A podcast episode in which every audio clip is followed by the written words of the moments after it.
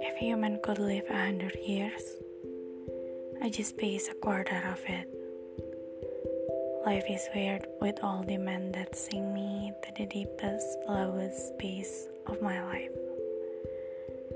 I frequently feel happy, but the more I grow up, the more I could feel every sadness part of every period.